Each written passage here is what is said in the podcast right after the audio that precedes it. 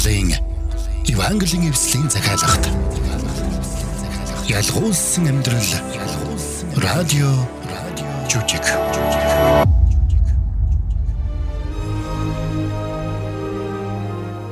Ялгуулсан амьдрал. Түүхэн радио жүжиг эхэлж байна.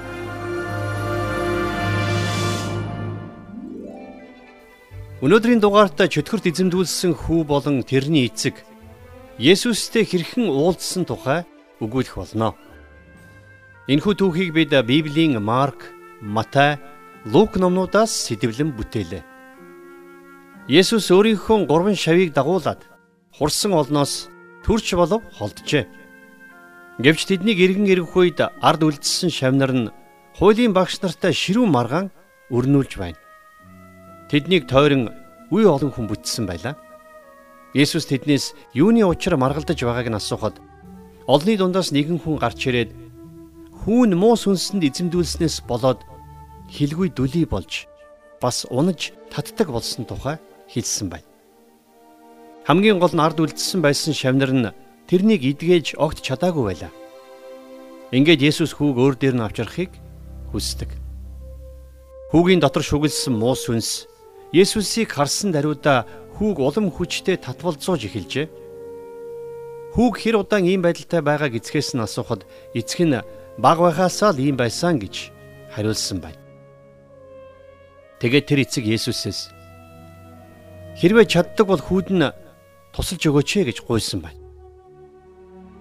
Энийний хариуд Есүс итгэлтэй хүнд бүх зүйл боломжтой гэж хариулсан байдаг. Энэ хариултыг сонссон хүүгийн эцэг Есүст итгэж байгаагаа илэрхийлж итгэлгүй байдалд нь туслаж өгөхийг гуйдаг. Ингээд Есүсийг тушаахад мөнөөх сүнс хүүгээс гарч эргэж ирэхгүйгээр оджээ. Муу ярин сүнс хүүгээс гарахдаа сүүлчийн удаа татгалзуулан гарах үед хүү яг л үгссэн мэд хэвтэж байлаа. Гэвч Есүс тэрний гараас хөтлөн өндийлгэх үед хүү цоо ирүүл болон босч иржээ. Тэд нэр хүүг яагаад эрүүл болгож чадаагүй болохоо Есүсээс асуух үед Есүс тэднэрт Бурхны ажлыг хийхэд итгэл болон залбирал ямар чухал байдгийг тайлбарлаж өгсөн байдаг. Ингээд одоо хамтдаа муу сүнсэнд эзэмдүүлсэн хүү Силас болон тэрний эцэг Рубенаар тохиолдсон энэхүү үйл явдал хэрхэн өрнснийг Есүсийн дагалдагч Петрийн өгүүлхийг хамтдаа сонсцгоё.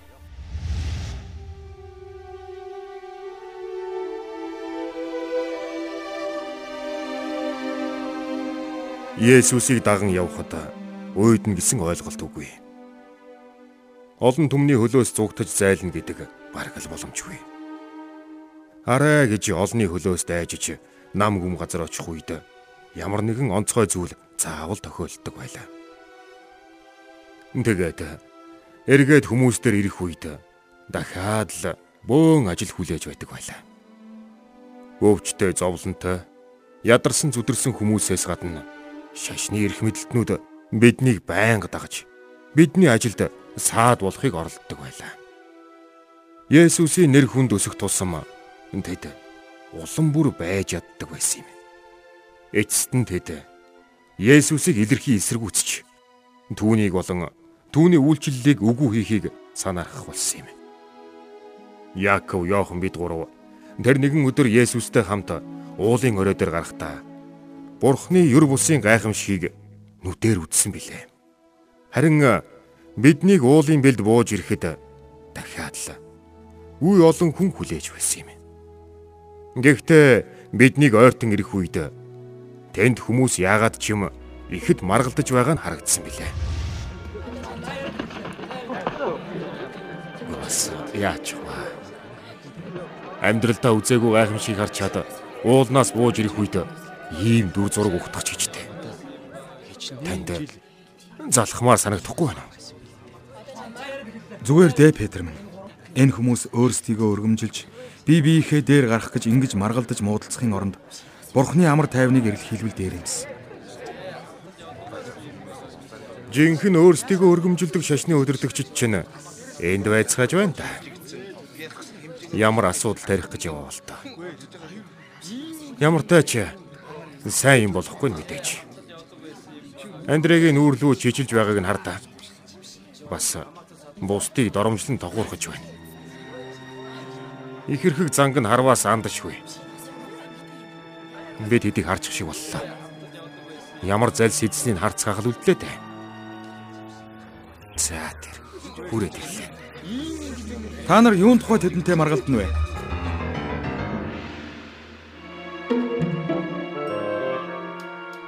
Ачирхалтай шашны өдөрдөгчч тэр Есүсийн дагалдагчч тэр аль аль нь Есүсийн асуултанд хариулсангүй. Эсэгхэн зуур нам гүн болсны эцэст урд өмнө бидний харж байгаагүй нэгэн нэр урагшаа гарч ирээд Есүсийн өмнө өвдөг сөгдлөө. Багшаа намайг Рубен гэдэг. Би хэлгүүн сүнс шүүлсэн хүүгээ танд авчирсан юм аа. Хүүг минь тэр эзэмдэх болгондоо газар шидэж хүүгийн маань амнаас хөөс цахарн шүдэ хавираад хөшчдөг юм. Харта сүнс хүүг минь эзэмддэг. Тэр минь гинт орилж чарлаад амнаасаа хөөс сахруулж тарчлан бэж арайхийн түүнээс салдаг. Тэр сүнсийг зайлуулаач гэж таны шавнарт би хэлсэн боловч тэд чадсангүй итгэлгүй завхарсан үеийнхээ хэдий хүртэл би та нартай хамт байх юм бэ? Хэдий хүртэл би та нарыг твчих юм бэ? Түүнийг надад аваад ир. Рюбен тэр хэр удаан юм байсан бэ? Багасаа л түс хүүг минь хөнөөх гэж үргэлж гал усан шийддэг байлаа. Харин та юу ч хийж чаддаг бол биднийг өрөвдөж туслаач. Та чаддаг бол гэв. Итгэдэгт нь бүх юм боломжтой. Би итгэж байна. Итгэлгүй байхад минь туслаач. Ялгуулсан амьдралын түүхтэй хамт байгаа сонсогч танд баярлалаа. Ёрим ус үнсэнд эзэмдүүлсэн хүүгийн эцэг Рубен Есүсийн шавнараас тусламж хүсэн иржээ. Гэвч тэд нар хүүг нь эдгэж чадсангүй. Улмаар шашны тэргүүнүүд Есүсийн шавнарыг буруутган тэдэнтэй маргаан дэгдээж байна. Ингээд Есүсийг гурван шавийнхаа хамт уулнаас бууж ирэх үед Рубен Есүсийн өмнө сүгдэж түүнээс тусламж гуйдаг. Харин Есүс тэрэнд итгэлтэй хүнд бүх зүйл боломжтой гэдгийг батлан хэлсэн юм. Энэ үгийг сонссон Рубен Есүст итгэж байгаагаа илэрхийлж итгэлгүй байдалд нь туслахыг гуйсан билээ. Энэхүү түүх цааш хэрхэн яаж өрнөхийг одоо хамтдаа үргэлжлүүлэн сонсцгоё.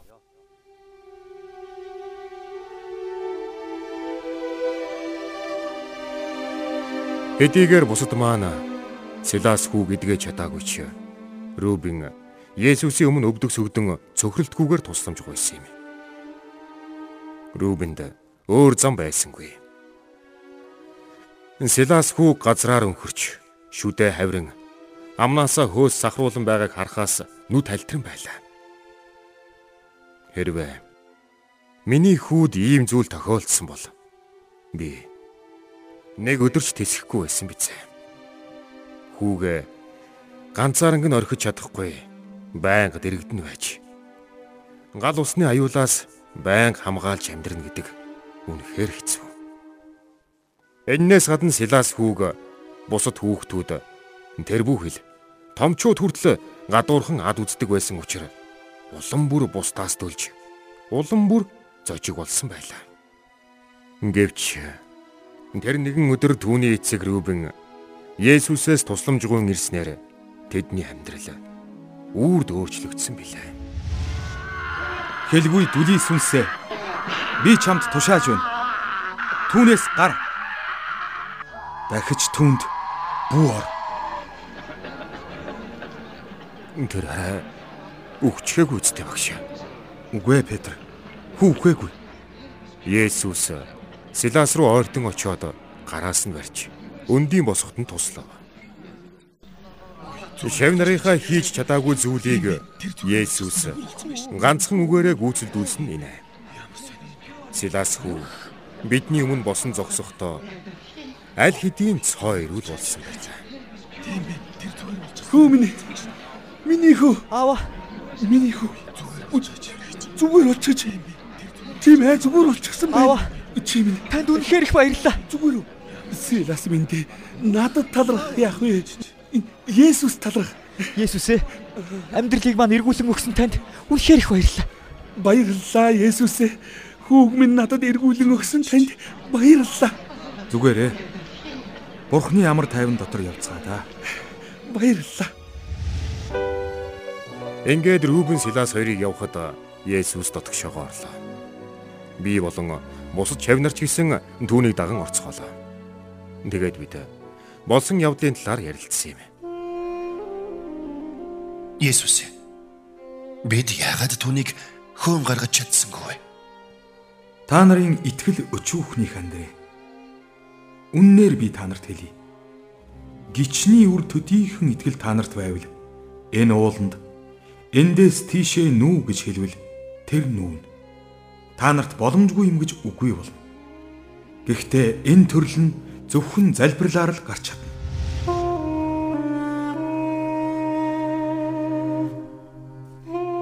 Бидэнд Есүсээс суралцах зүйл дэндүү их байлаа. Дутагдж гачигдсан эсвэл итгэлээр сул дорой нэгэн нь ганц рүүгэн биш ээ. Хэдийгээр Есүсийн шавнаар бид өмнө нь олон өвчтөе хүмүүсийг эдгэж байсан ч тайвширч болохгүй гэдгийг тэр өдөр маш сайн ухаарсан юм. Бид тууштай залбирсаар Есүст итгэх итгэлээ хүчтэй хэвээр байлгах ёстой гэдгийг ойлгосон. Учир нь бид өөрсдийнхөө хүчээр бусдад туслах нь бүхэл өөрсдөө ч тусалж чадахгүй юм. Улмаар сатан бидний сул талыг олох үед бидэн рүү хайр найргүй довтолдог. Тиймээс хэрвээ бид залбирахгүй бол Есүсийн хүч чадалтай холбогдохгүй бол сатаанд маш амархан ялагдах болно. Хэдийгээр Рубны итгэл сул байсан ч тэр Есүсээс зуурсан учраас Есүс Силас хүүг нь эдгэж өгсөн юм. Үүний нэгэн адил Есүсийн шавнаар бид ч бас итгэл дотор Есүс рүү хандах юм бол тэр бидэнд өөрийнх нь нэрийн төлөө үйлчлэх гайхамшигтай хүчийг өгөх болно. Муу ёрийн сүнс болох сатан бидний эсрэг бүхий л төрлийн зэвсгийг ашигладаг. Тэр та бидний эсрэг бие махбодын, оюун санааны, сэтгэл хөдлөлийн болон сүнслэг дайралтуудыг хийж байдаг. Силас хүүгийн хувьд сатан тэрний бие махбод руу давталсан байсан. Гэхдээ тэр нь тулгарсан асуудал эннээс ч илүү хүнд байсан юм. Учир нь муу ёрийн сүнс түүний амьдралыг удирдах байсан. Түүгээр дамжуулаад аавд нь ч гэсэн нөлөөлж байсан. Үнэн дээр бид өөрсдийн хүчээр сатааны эсрэг юу ч хийж чадахгүй. Гэвч хэдийгээр сатан хүчтэй ч гэсэн Есүс Христийн хүч чадал тэрнээс ч илүү агуу юм. Тийм ч учраас итгэгчид бид нар 1-р Иохны 4-ийн 4-т бичигдсэн үгийг санаж учир нь та нарын дотор байгаа тэр бол дэлхийд байгчаас авууга хэмээн итгэлтэйгээр тунхаглаж чадна. Хэрвээ та бид өөрсдийн итгэлийг Есүс дээр тавьж түүний хүслийг эрэлхийлэн залбирх юм бол бид юунаас ч айх хэрэггүй. Мэдээж та бидний амьдралд зовлон бэрхшээл тохиолдно. А гисэн хэдий ч Есүс бидэнд тэр бүх зовлон бэрхшээлийг даван туулахад шаардлагатай хүчийг өгөх болно. Сатан энэ дэлхий дээр хөнөөж устгахаар ирдэг бол харин Есүс Христ эдгэж аврахаар ирсэн юм. Есүс та бидний амьдралд олон янзын арга замаар өөрийн гайхамшигтай ажлуудыг хийж байна. Заримдаа Есүс бидний хэрэгцээг олон хүмүүсийн нүдний өмнө гайхамшигтайгаар хангаж өгдөг. Үүгээрээ тэр олон хүнийг өөрлөгөө татдаг.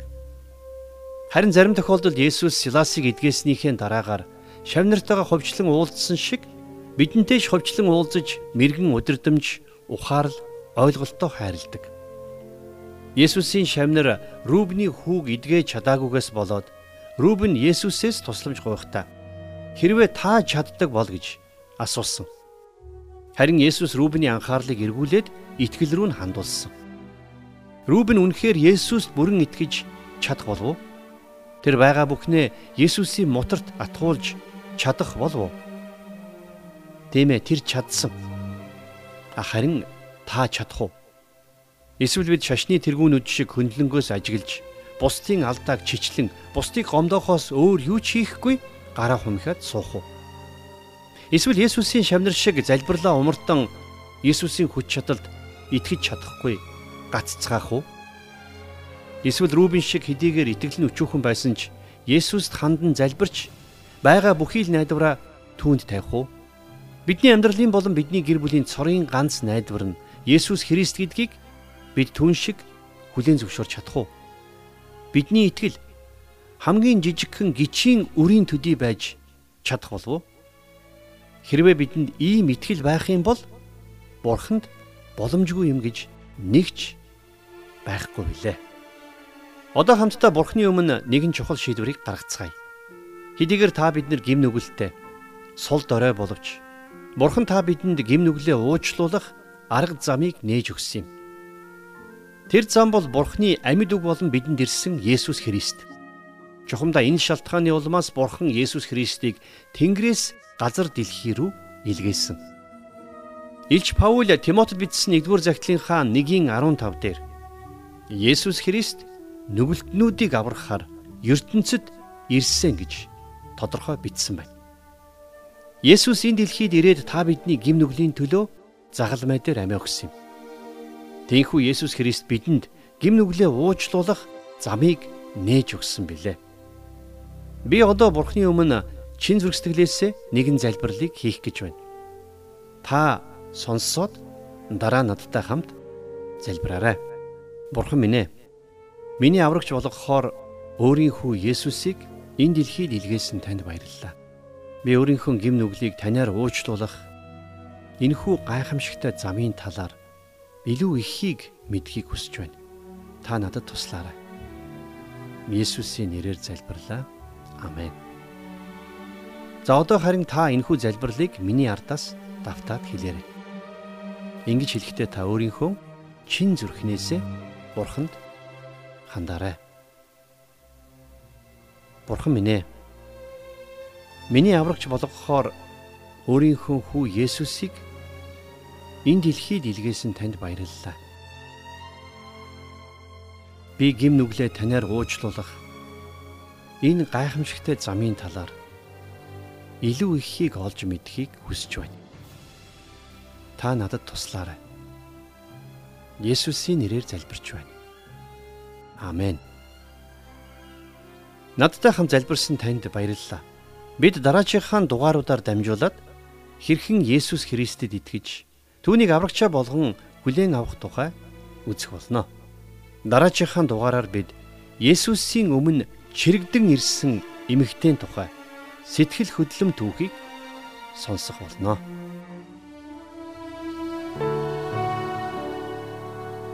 Радио жүжигийг маань хүлээн аван сонссон сонсогч танд маш баярлалаа. Ингээд драмтай холбоотой асуулт хариултын цаг эхэлж байна. Би чөтгөрч юм уу муу ёрын сүнснүүд байдаг гэдэгт нэг л итгэдэггүй л дээ. Энэ бол зүгээр л мухар сүсгтэй хүмүүсийн санаанаас зохиосон зүйл гэж би бодоод идэв. Ийм зүйл үнэхээр оршин байх боломжтой гэж үү? Сатанч тэр муу ёрын сүнснүүд ч тэр бүгд бодиттой зүйлс. Бурхны үгэнд тэднийг байдаг гэдгийг тодорхой хэлсэн байдаг. Тэд хүмүүсийн амьдралыг сүрүүлж хүмүүсийг Есүст итгэхэд нь саад хийхийг зорж байдаг. Тэгэхээр муу ёрийн сүнснүүд одоо ч гэсэн байдаг гэсэн үг үү? Тийм ээ, одоо ч бий. Үнэн дээр энэ дэлхийд нүүрлээд байгаа тэр их зовлон шаналлын ихэнх нь сатан болоод түүний ёрийн муу хүчнээс үүдэлтэй. Тэгвэл саажилтыг ёрийн муу сүнснүүд үүсгдэг гэж ойлгож болох уу? Бид бие махбодын болон сэтгцийн аливаа өвчин эмггийг ёрийн муу сүнснүүдээс ихтэй гэж шууд дүгнэхээс зайлсхийх хэрэгтэй. Саажилт нь ёрийн муу сүнснүүдээс үүдэлтэй биш. Хэдийгээр энэ түүхтэр гарч байгаа хүүгийн хувьд ёрийн муу сүнс тэрнийг унаж татахад хүргэж байсан ч дандаа ийм байдаг гэж бид ойлгож болохгүй. Ёрийн муу сүнснүүдэд эзэмдүүлсэн хүн хилгүүдүүлий болдог болов. Үгүй ээ. Бид ингэж ойлгож болохгүй. Бидний үдсэн энэ түүхтэр гарч байгаа хүүгийн хувьд ёрийн мөс сүнс ингэж нөлөөлсөн ч бид бие махбодын болон сэтгцийн аливаа өвчин эмгэгийг шууд ёрийн мөс сүнстэй холбож ойлгох нь өрөөсгөл ойлголт юм. Шамнар нь өвчтөй хүү гэдгэх гэж оролдож байх үед Есүс яг хаана байсан болов? Есүс яагаад тэдэнтэй хамт байгаагүй юм бол? Аа. За Есүс гурван шавээ дагуулад өндөр гуулын орой дээр гарч тэдэнд өөрийн тэнгэрлэг сүр жавхланга харуулсан байсан. Харин босод 9 шав нь уулын бэлд үлдсэн байсан. Тэр хүн болон түүний хүүтэй уулын бэлд үлдсэн 9 шав нь уулдсан байсан. Есүсийн шавнар яагаад тэр хүүг эдгэж чадаагүй юм бэ? Тэдэнд хүүг эдгэж чадна гэсэн итгэл байгаагүй маа. Тэд өөрсөддөө ч тэр бурхан ч тэр итгэж чадаагүй. Тийм ч учраас Есүс тэдэнд итгэлтэй байхыг бас залбирахыг сануулсан байдаг. Ёрын мөн сүнс Есүсийг танд гэж юу? Тийм ээ. Тэр Есүсийг таньж байсан. Тиймээс ч Библиэд хэлэхдээ тэд хүүг түүнд авчирваа. Есүсийг хармагц мөнөөх сүнс тэр дорн хүүг татвалзуулж газар унахад тэр хөөс захируулан хөлбөрөн өнхөрч гарав гэсэн байдаг. Сатан болон түүний ёрын мөн сүнснүүд Есүсийг бурхны хүү гэдгийг анханасаа мэдэж байсан. Тэр хүүгийн эцэг яагаад Есүсээс хэрв та юу ч хийж чаддгийн бол биднийг өрөвдөж туслаач гэж гуйсан юм бэ? Есүс бүгдийг хийж чадахгүй гэж юу? Есүс бүхнийг чадна. Учир нь тэр бүхнээс илүү хүчтэй. Тэр эцгийн итгэл нь сул учраас Есүсээс ингэж гуйсан. Есүсийн шавнар нь хүүг нь эдгэж чадаагүй учраас тэр эцгийн дотор эргэлзээ төрж Есүс ч бас хүүг нь эдгэж чадахгүй юм шиг байгаа гэсэн бодол төрсэн байсан. Ер нь бидний итгэл үнэхээр уулыг нүлгэж чадна гэж юу? Есүс шавнартаа тэдний итгэл гिचний үр төдийхөн жижигхэн байсан ч уулыг нүүлгэж чадна гэж хэлсэн. Ингэж хэлэхдээ Есүс зүйрлэл ашиглаж ярьсан болохоос шууд утгаар хэлээгүй. Есүс бурханд итгэх итгэл ямар агуу хүчтэй байдаг вэ гэдгийг тэдэнд ойлгуулахын тулд энэ зөвөрлөлийг ашигласан. Үнэхээр Есүст итгэх итгэл уул мэт том асуудлуудыг ч зайлуулж чаддаг. Муу өрийн сүнс сатанд намайг захирах хүч байгаа юу? За хэрвээ та Есүст итгэж өдөр бүр түүнийг даган амьдрах юм бол сатанд таныг захирах хүч байхгүй. Сатан болон Есүсийн тухай өгүүлэгтээ Библиэд та нарын дотор байгаа тэр бол дэлхийд байгчаас авууга гэсэн байдаг. Миний итгэл бол сул дорой гэдгийг би бол мэднэ л дээ. Би итгэлээ хэрхэн хүчтэй болгохгүй. Бид өдөр бүр Бурханд итгэн амьдрах хэрэгтэй. Тэр бидэнд өдөр бүр Бурханд итгэн амьдрах хүчийг өгдөг. Хэрвээ бид өдөр бүр Бурханд итгэн амьдарч чадвал бидний итгэл өдрөөс өдөрт өссөөр байх болно. Бас залбирлаар дамжуулан бидний итгэл өсдөг. Бурханы үгийг унших үед бидний итгэл өсдөг гэмнүглээ гэмшиж түүний уучлал өршөөлийг хүсэх нь бидний итгэлийг өсгөдөг юм шүү. Маш их баярлалаа. Өнөөдрийн дугаарыг хүлээн аван сонссон сонсогч танд маш их баярлалаа. Тантай бурхан хамт байгуултугай.